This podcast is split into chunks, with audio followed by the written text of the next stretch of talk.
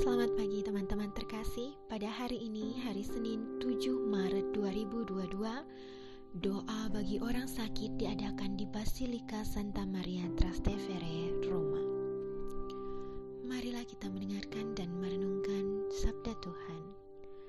Bacaan kita pada hari ini diangkat dari Kitab Imamat bab 19 ayat 1 sampai 2 Dilanjutkan ayat 11 sampai 18.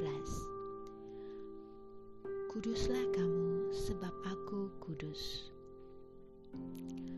Tuhan berfirman kepada Musa, Berbicaralah kepada segenap jemaah Israel dan katakanlah kepada mereka, Kuduslah kamu sebab aku, Tuhan Allahmu, kudus. Janganlah kamu mencuri, janganlah kamu berbohong, janganlah kamu berdusta seorang kepada sesamanya. Janganlah kamu bersumpah dusta demi namaku, supaya engkau jangan melanggar kekudusan nama Allahmu.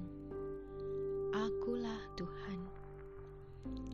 Janganlah engkau memeras sesamamu manusia, dan janganlah engkau merampas Janganlah kau tahan upah seorang pekerja harian sampai besok harinya.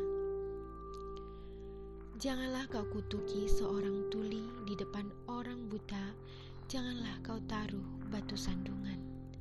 Tetapi engkau harus takut akan Allahmu. Akulah Tuhan. Janganlah kamu berbuat curang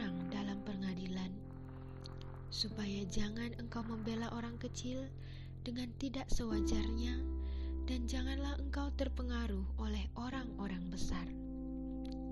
Tetapi engkau harus mengadili orang sesamamu dengan kebenaran. Janganlah engkau pergi kian kemari menyebarkan fitnah di antara orang-orang sebangsamu. Janganlah engkau mengancam hidup sesamamu manusia.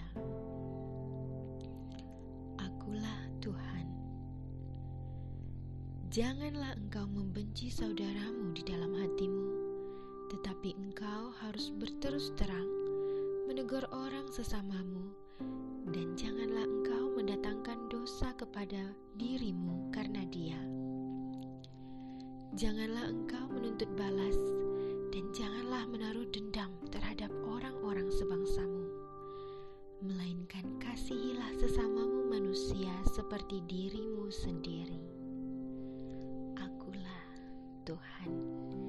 Demikianlah sabda Tuhan.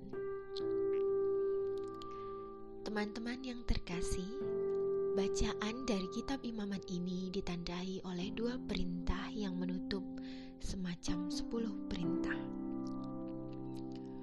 Kuduslah kamu sebab aku, Tuhan Allahmu, kudus. Kasihilah sesamamu manusia seperti dirimu sendiri. Allah dan sesama terhubung dengan firman Tuhan, tetapi dengan cara yang berbeda dengan perintah untuk mengasihi Tuhan dan sesama kita. Kekudusan adalah kondisi Tuhan, artinya Dia lain, terpisah dari kita, transenden, tetapi tidak tertutup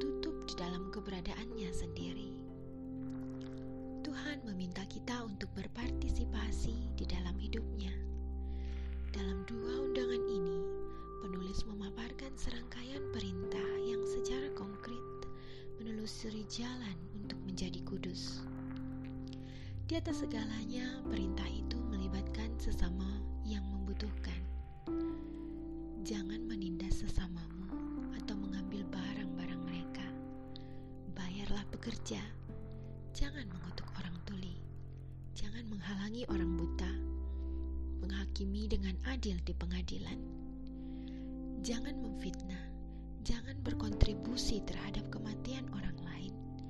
tidak memendam kebencian, tidak membalas dendam, dan tidak memendam dendam. Perintah-perintah dalam kitab imamat ini masih berbicara hingga hari ini.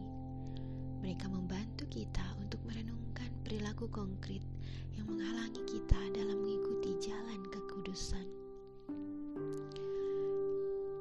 Dengan meminta kita untuk mengasihi sesama diri kita sendiri, Tuhan menunjukkan bahwa Dia tidak menggunakan ukuran yang tidak mungkin. Jika kita mengasihi orang lain seperti kita mengasihi diri kita sendiri, hidup kita akan benar-benar berbeda